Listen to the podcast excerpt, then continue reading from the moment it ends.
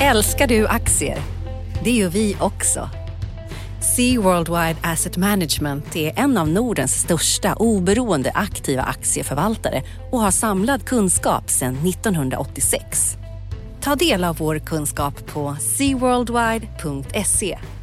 Bokstaven C worldwide.se.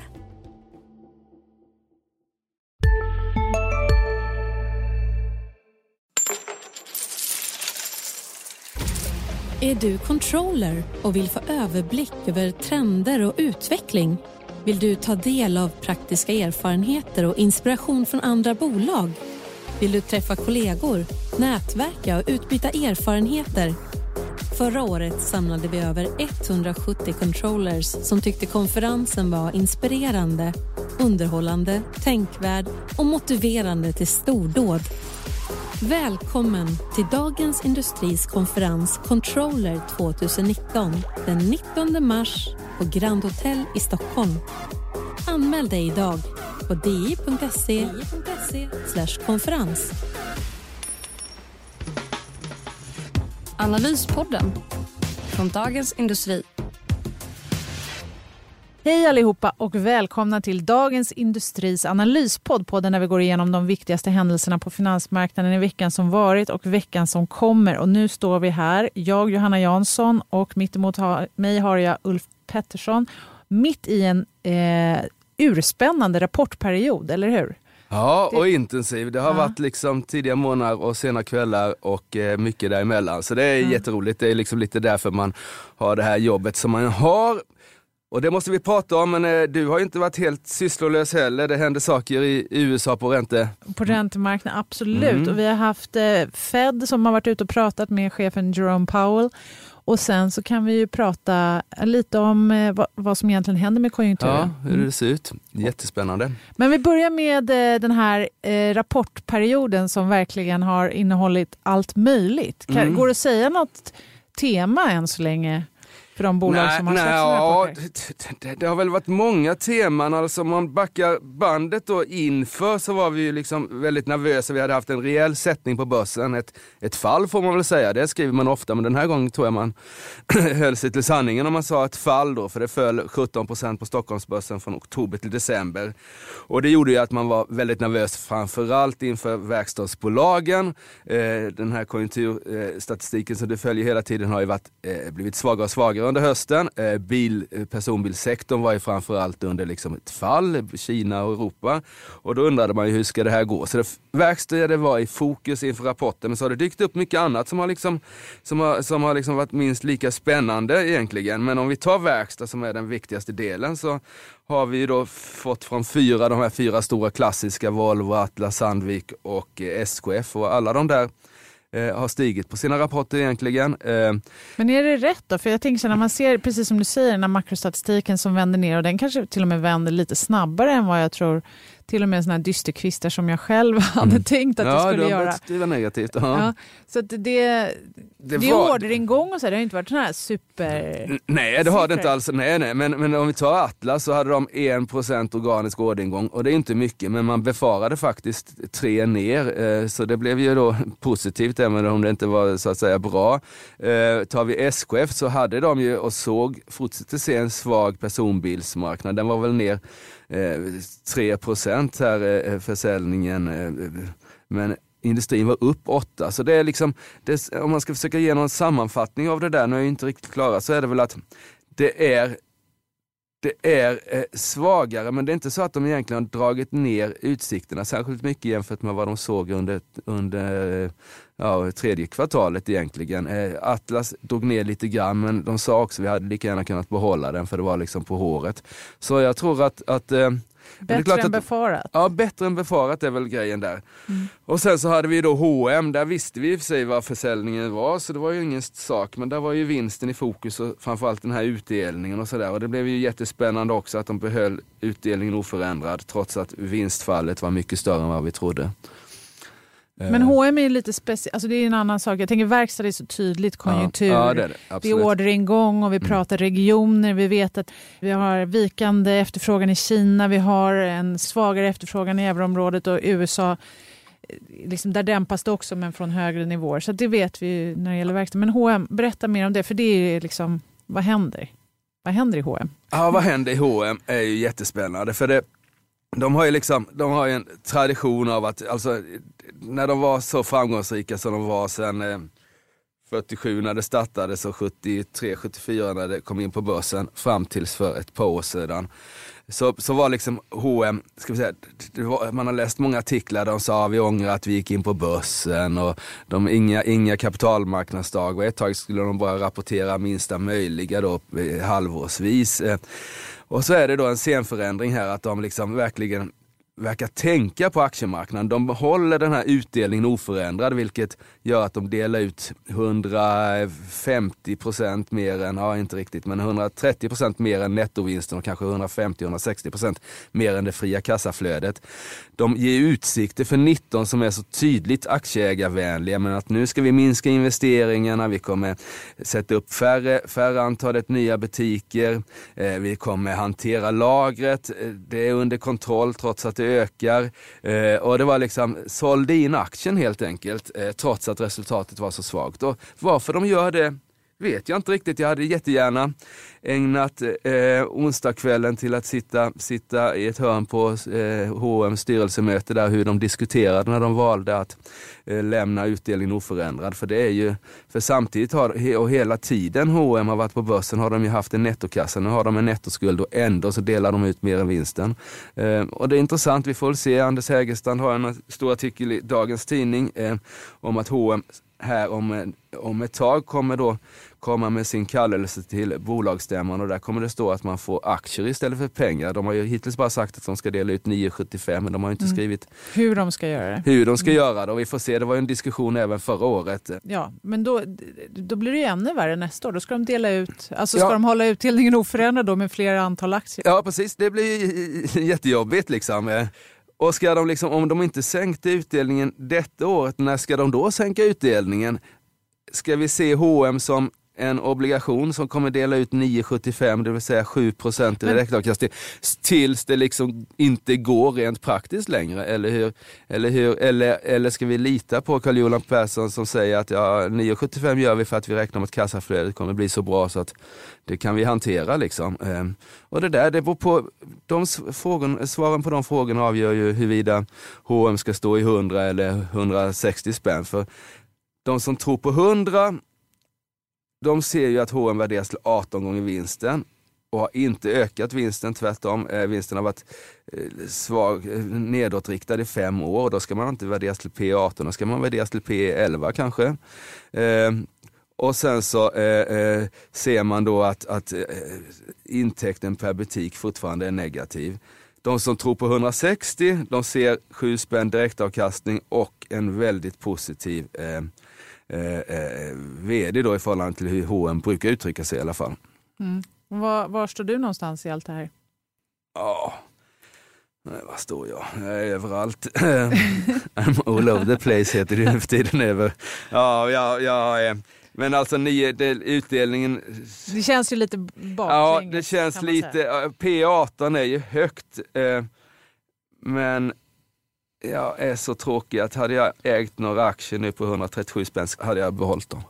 Ja, för att det är... Det, det, det är väl inte tråkigt, det, är väl ganska Nej, modigt, det är ganska bra. Det är roligt ja. att äga de här för det kommer bli väldigt spännande. För nu, var, var, varje kvartal nu så kommer vi utvärdera här. Hur kommer liksom alla de här, ja. hur kommer laget bli, kassaflödet bli. Alltså det är så tydligt att, mm. och, vi, och, det är roligt och då ska man vara med i det där. Men det här med det här utdelnings, eh, vad ska man säga, nojan som ja. bolagen verkar ha. Är det verkligen, alltså, från makrohållet, det man ser då är som vi sa, vikande indikatorer. Och när de här indikatorerna brukar vika så, så brukar de liksom fortsätta ner ett bra tag. Och nu har vi, här när vi står här på fredagsmorgonen eh, idag, då är det den första februari och då kommer sån här eh, inköpschefsindex från hela världen. Och de fortsatte ner här i ja. januari. Och det visste man väl, eller anade man därför att de preliminära siffrorna hade pekat på det.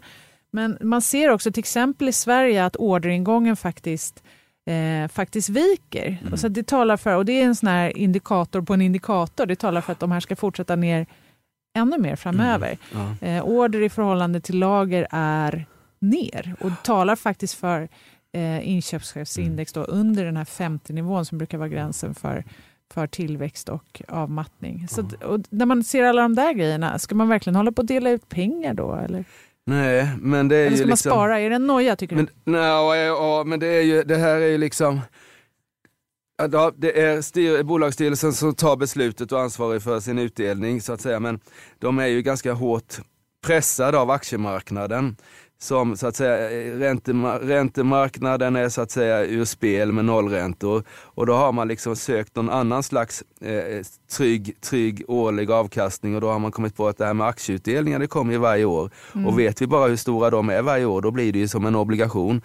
Och då har, finns det ett väldigt hårt fokus på att man ska absolut inte sänka sin utdelning. Och det har man ju sett då exempelvis H&M som minskar vinsten men oförändrad utdelning. Och de som ökade vinsten, de har ju kommit med extrautdelning eller höjt den. Och det man vill sträva är ju eh, stabila det, precis, för H&M är ju inte den enda, det finns ju andra bolag som Ja, ja alltså, alltså, men det är ju, jag håller med, men vi såg ju det här och det är ju också en sån här varningssignal. Vi såg precis samma sak 06-07, stora extrautdelning. Eniro som inte finns längre delade ut hur mycket pengar som helst där precis innan finanskrisen. Vilka, gör- vilka, nu säger inte jag, inte för att vi ska jämföra med Niro, men vilka är det mer som har gjort Nej, men alltså, jag, ty- jag, extrautdelningar tycker, jag tycker den det kanske blir lite anekdotiskt men den är ju ganska rolig. Den här, Mm. eh, ska jag säga, om vi tittar tillbaks, Volvo 2006 så gav de 5 kronor i ordinarie plus 5 kronor extra precis som i år. Mm. 2007 så höjde de med de stabila 50 öre som marknaden vill ha. 2008 var de tvungna att kapa den från 5,50 till 2 och hade de en 2009 negativ- var den, ja. hade, gav de inte någon utdelning.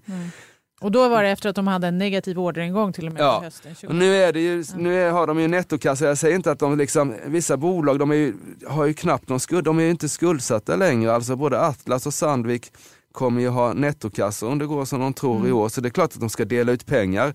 Men, men, men då tycker jag kanske man, men man ska liksom inte invagga folk i en säkerhet att utdelningen är liksom given oavsett konjunktur, väder och vinst och allting annat. Den måste ju spegla verksamheten och det är det den inte gör när man som eh, Sandvikschefen säger att vår ambition är att höja utdelningen lite varje år.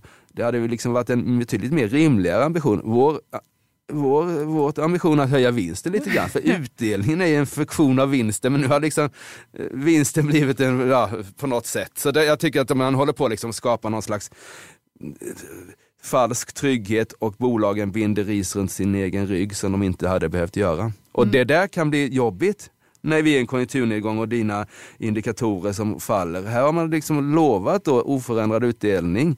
Det kan man göra i goda tider. Jag kan låna ut 100 000 till dig eller 10 000 i varje fall i goda tider, men kanske inte i dåliga liksom. Nej, och det är en bra poäng för att när man då stramar åt likviditeten, nu- det kommer ju inte drabba stora bolag som de här som vi pratar om nu som är OMXS30, men, men, Men- mindre andra- bolag ja. kan ju få svårare att få tillgång till likviditet. Ja. Och, Eh, Därför att de har sämre kreditvärdighet och jag, det, man säger, det är så splittrad bild, alltså konjunkturen, eh, indikatorerna neråt, börsen stiger, januari i USA var den bästa Sen Jan- 1987, eller hur? Ja, eller 89 var det väl. Eh, och, eh, bästa januari sedan 89 och bästa börsmånaden, alla månader om året, sen, sen oktober 15 tror jag.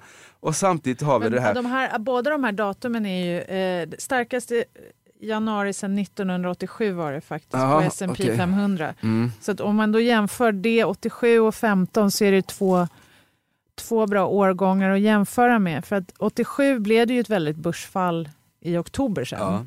Eh, och, men 2015, 2016 är också ganska intressant att jämföra med just nu. För då var det ju ändå en ordentlig sättning på börsen. Alltså Ja. Det började med någon slags Kina-oro, eller ja, hur? ja, visst. Och sen så hade vi i De ryggen... stängde till och med börsen i Kina. Ja. Ja, precis. För att man var rädd för att Mm. det blev för stora fall. Och sen så hade vi i ryggen det här stora oljeprisfallet som hade Mm. gett många bolag i USA problem som var Just det. inne på oljemarknaden. Och då var det lite stökigt på kreditmarknaden och Mm. nu ser vi ungefär samma tendenser där bolag med sämre kreditvärdighet där de får betala högre räntor. Inga dramatiska nivåer så, men det är ändå tecken på att eh, värderingarna är lite för generösa i vissa fall. Vissa bolag har fått låna lite för billigt. De får svårare nu när, eh, när räntorna är lite högre och så, här. så lite grejer händer. Men 2015-2016, då, det, som, det, är som, det är bra att jämföra med det för då vet vi att vi klarade av det. Det, Ja. var liksom inte, det blev inte kris och panik. Det blev inte ny- 9-10 liksom, eller det, 8 Nej exakt, det blev inte en ny Sista dagarna nu på vårens stora season sale. Passa på att göra sommarfint hemma, både inne och ute. Och fynda till fantastiska priser. Måndagen den 6 maj avslutar vi med Kvällsöppet i 21. Välkommen till Mio. Har du också valt att bli egen? Då är det viktigt att skaffa en bra företagsförsäkring. Hos oss är alla småföretag stora och inga frågor för små. Swedeas företagsförsäkring är anpassad för mindre företag och täcker även sånt som din hemförsäkring inte täcker. Gå in på swedea.se företag och jämför själv. finanskris. Utan, men det som gör att jag tänker ändå att det är värre, eller värre, men det är en annat läge nu ändå, är att vi har just det här med att konjunkturen har kommit längre. Att den viker, den viker om än från starka nivåer så viker den ner nu. Vi har ett annat ränteläge. Central, alltså Fed har börjat höja räntan. De har höjt nio gånger sedan 2015. Så det är ett annat läge och det talar för att vi nu, liksom, nu, har vi, nu är vi på väg in i den här Alltså, sämre konjunkturen. Men, men hur ser det ut då? För jag tänker att är så att säga investeringssituationen, för man kan tänka om, om man har full kapacitet och sådär, att då kanske man måste investera ändå när man drar igång det här, eller hur, hur ser du på framtiden? Ja, vad, vad är det som där- gör att den faller och vad är det som gör att du tror att den kan falla lite mer än 15-16 förutom att vi har gått lite längre? Det kan, eller är det Ja, men det är väl det. Sen är det klart att, precis som du- jag var ju nyfiken på vad bolagen skulle säga om framtiden just för att höra Eh, ja, men om, är de nervösa? Vågar Mm. de investera? Vad gör de med sina pengar? Precis Ja. som du säger, de har ju låg skuldsättning. Mm. Vissa verkar ju köpa konkurrenter, som Ja. vår kollega Micke Wilenius skrev Ja. också om här i Mm, mm. fredagens tidning. Eh, så att, och det kanske var så att det accelererade. Jag vet inte, vad säger du? Nej, det men det är klart, att man- man har inte hört- man har inte hört kom ner några- lite så blev det lite mer har- fördelaktigt för de som var ute efter att köpa sina Den, den, Sina en, den enda investering jag läste om i rapporten av betydelse är ju Electrolux som återupptog en investering i, i, i USA som man la på is när, eh, när tull, tullar och, och Trump och sånt där påbörjade. Den sätter Mm. man fart nu. Annars har det inte varit några utan nej, man är nog ganska, man är nog ganska ska vi säga, återhållsam egentligen. Man är nog lite, jag inte liksom... Ja, och där tror jag så här, Kassa, de pratar om att kassaflödena har varit bra. Det tyder ju på att de har liksom inte, inte In- investerat så nej. mycket. Och det är väl en osäkerhet. Alltså, är det lite politisk stök och lite osäkerhet när det är ja, men handelshinder och annat och det är Brexit och sådär. Ja, men det är inte då man drar på med, Nej. med de här stora stora kapitalintensiva Nej. investeringarna. Nej. Sen kanske Nej. inte är den typen av investeringar som ska göras nu heller. Det Man är- har ju blivit mycket lättare, det är ju en sån här Mm. trend som har pågått i, i december, att man liksom försöker att inte ta för mycket eget Mm. utan man har ju liksom outsourcat det mycket sånt där till andra och, liksom, och blivit mer sammansättningar liksom Mm. fabrik. Ja, men jag tycker, det, det känns inte som att den här konjunkturnedgången ska liksom bromsas för att företagen är så optimistiska att de sätter igång med tunga investeringar. Så är det ju inte. Nej. Och en del i det är också det här handelskonflikten. Därför att nu har vi en inbromsning i Kina. De har, står för en viktig del av liksom, handeln i världen Mm. och de har varit en stor importör av insatsvaror och sådär. Och de försöker ju ändå liksom balansera om sin ekonomi. Även Mm. om de inte vill, liksom, de vill ju att det ska ske gradvis så är det ändå så att de försöker eh, gå mot en mer stabil Ja, tillväxt. fast de har ju sagt också att de ska försöka stimulera här. Ja, Alltså det Men det är ändå inte samma, i samma omfattning som Nej. de har gjort de tidigare gångerna. Så att det, det handlar om att de dämpar nedgången, inte att de vänder den. nej. Skulle jag tro. Så det, men, Ja. så det, Men och ta, ta det här Fed då, för det var ju en, eh, med tanke på, på reaktionerna så var Fed. Ja.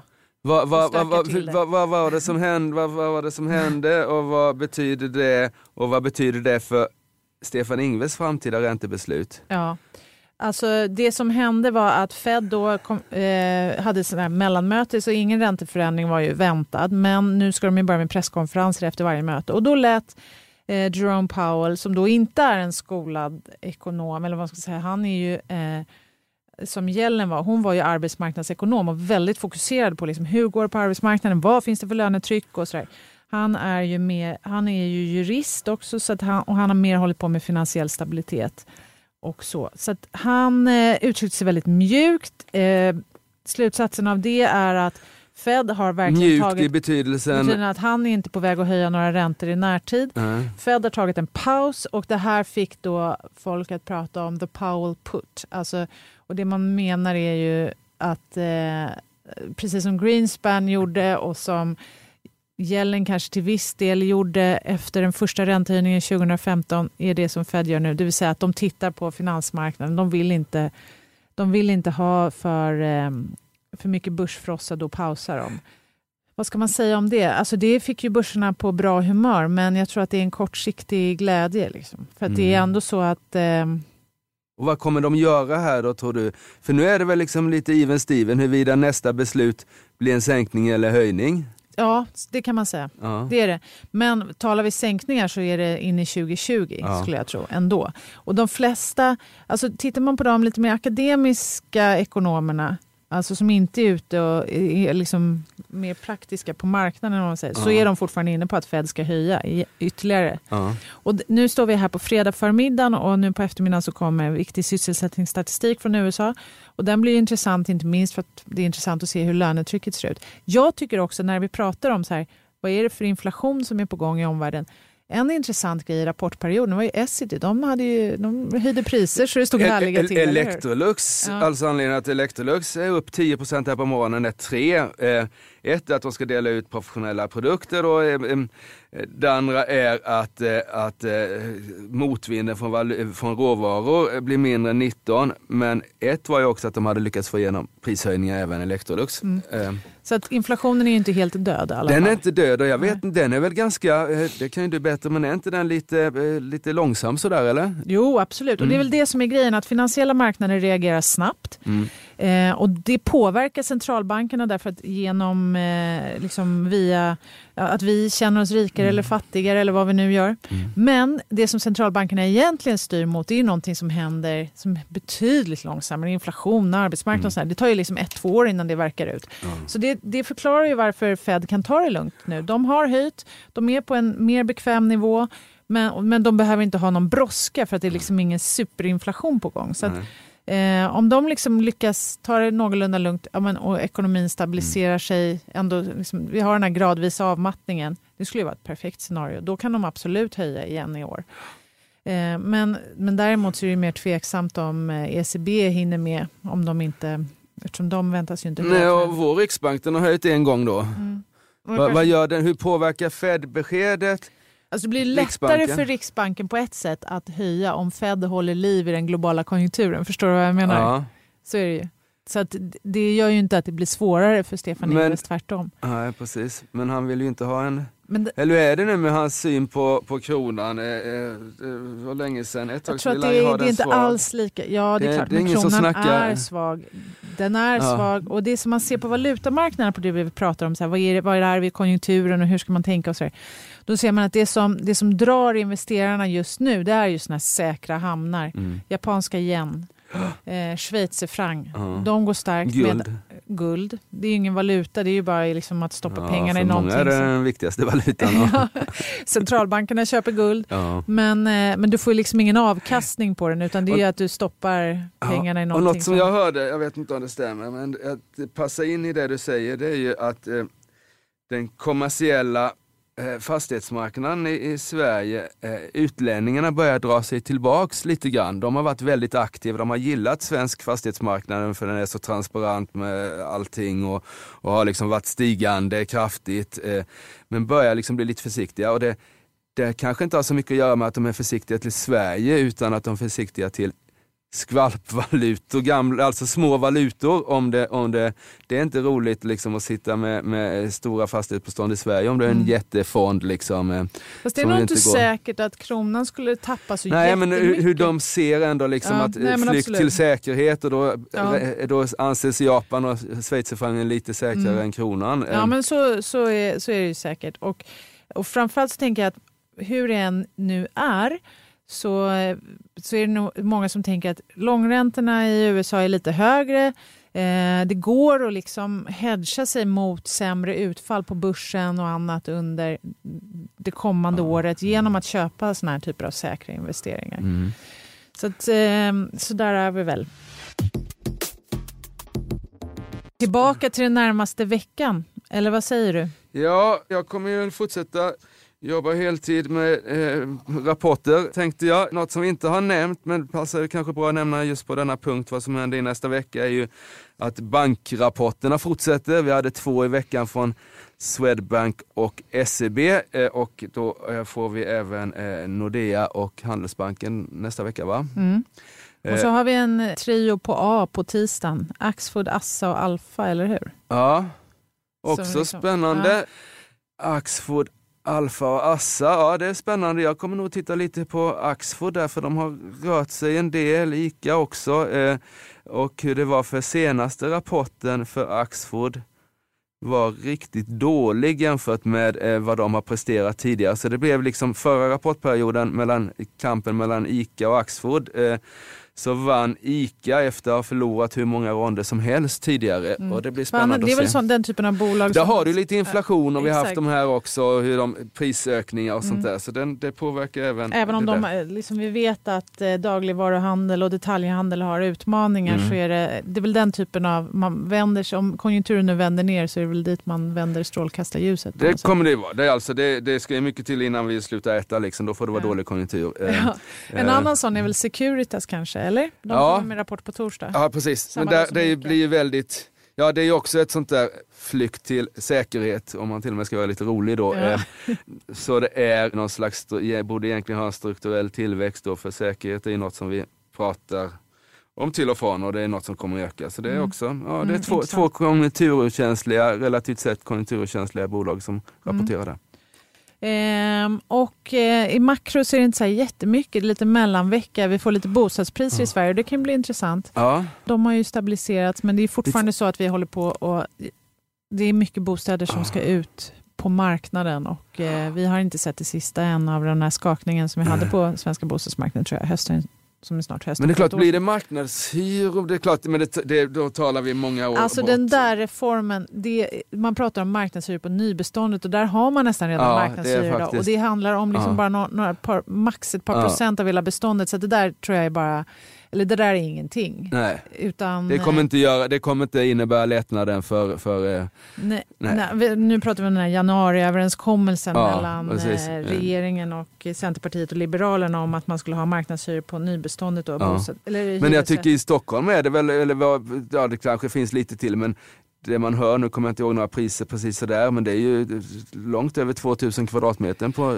eh, utan att vara i innerstan. Liksom. Ja, och som sagt, man har, det finns en, som det ser ut nu så kan man ha marknadshyror under en, eller marknadshyror, men man kan ha fri hyres, ganska fri hyressättning första tiden om man bygger nytt. Så det, mm. det finns redan, och som sagt, nybyggnationen är en av hyresrätter är en väldigt liten del av det mm. totala beståndet. Så om man på riktigt, om man menar allvar med att reformera den svenska bostadsmarknaden, mm. då måste man eh, ändra eh, hyressättningen på hela beståndet. Ja. Och det kan man ju såklart inte göra utan att göra andra förändringar samtidigt. Men det är det man borde göra för det skulle släppa så många knutar i det här bostadstrasslet som vi har. Jo men, det skulle det göra. Det, vi ta, för det här är en helt ny podd. Ja, Okej, okay. ja, då hoppar vi den. Men ja. jag håller med dig. Men jag, jag vill ju inte se fastighetsägaren som redan blir ännu mycket rikare. Tittar du på sådana här miljardärslistor så är Nej, ju men det... det, är det jag menar. Det utan det måste i så fall in till staten, de skattepengarna ja, som det måste man, Men det finns, alltså det här har ju varit ett problem i Sverige sedan 60-talet. Mm. Så att, ja, det finns så många som har tittat på hur man borde göra det här. Men, men det är precis som du säger, man kan inte det, det. Det får vi ta, det får vi ta, får nästa, ta vecka. nästa gång. Men, men det som är, det som är grejen nu i alla fall bara, bostadspriserna, precis spännande att se hur de händer. Och sen fortsättningen på rapportperioden blir ja. jättespännande. Och vad räntorna i USA tar vägen. Tioåringen ner på 2,50. Vi har nästan blivit av med hela uppgången för året. Ja. mycket spännande, men jag tycker att vi ska låta våra lyssnare få eh, vara i fred lite grann nu och önska dem en trevlig helg. Och så måste ni också gå in och lyssna på våra andra poddar. Vi har Digitalpodden som är intressant. Vi har Makrorådet och vi har förnuft och känsla också. Eh, tre bra poddar, hoppas ni uppskattar det. Så får ni ha en skön helg och hej då. Hej då. Analyspodden från Dagens Industri. Programmet redigerades av Umami Produktion. Ansvarig utgivare Peter Fellman. Är du controller och vill få överblick över trender och utveckling? Vill du ta del av praktiska erfarenheter och inspiration från andra bolag? Vill du träffa kollegor, nätverka och utbyta erfarenheter? Förra året samlade vi över 170 controllers som tyckte konferensen var inspirerande, underhållande, tänkvärd och motiverande till stordåd. Välkommen till Dagens Industris konferens Controller 2019 den 19 mars på Grand Hotel i Stockholm. Anmäl dig idag på di.se konferens.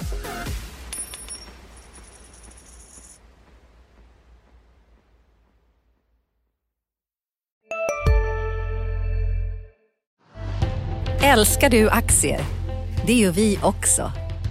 Sea Worldwide Asset Management är en av Nordens största oberoende aktiva aktieförvaltare och har samlad kunskap sedan 1986.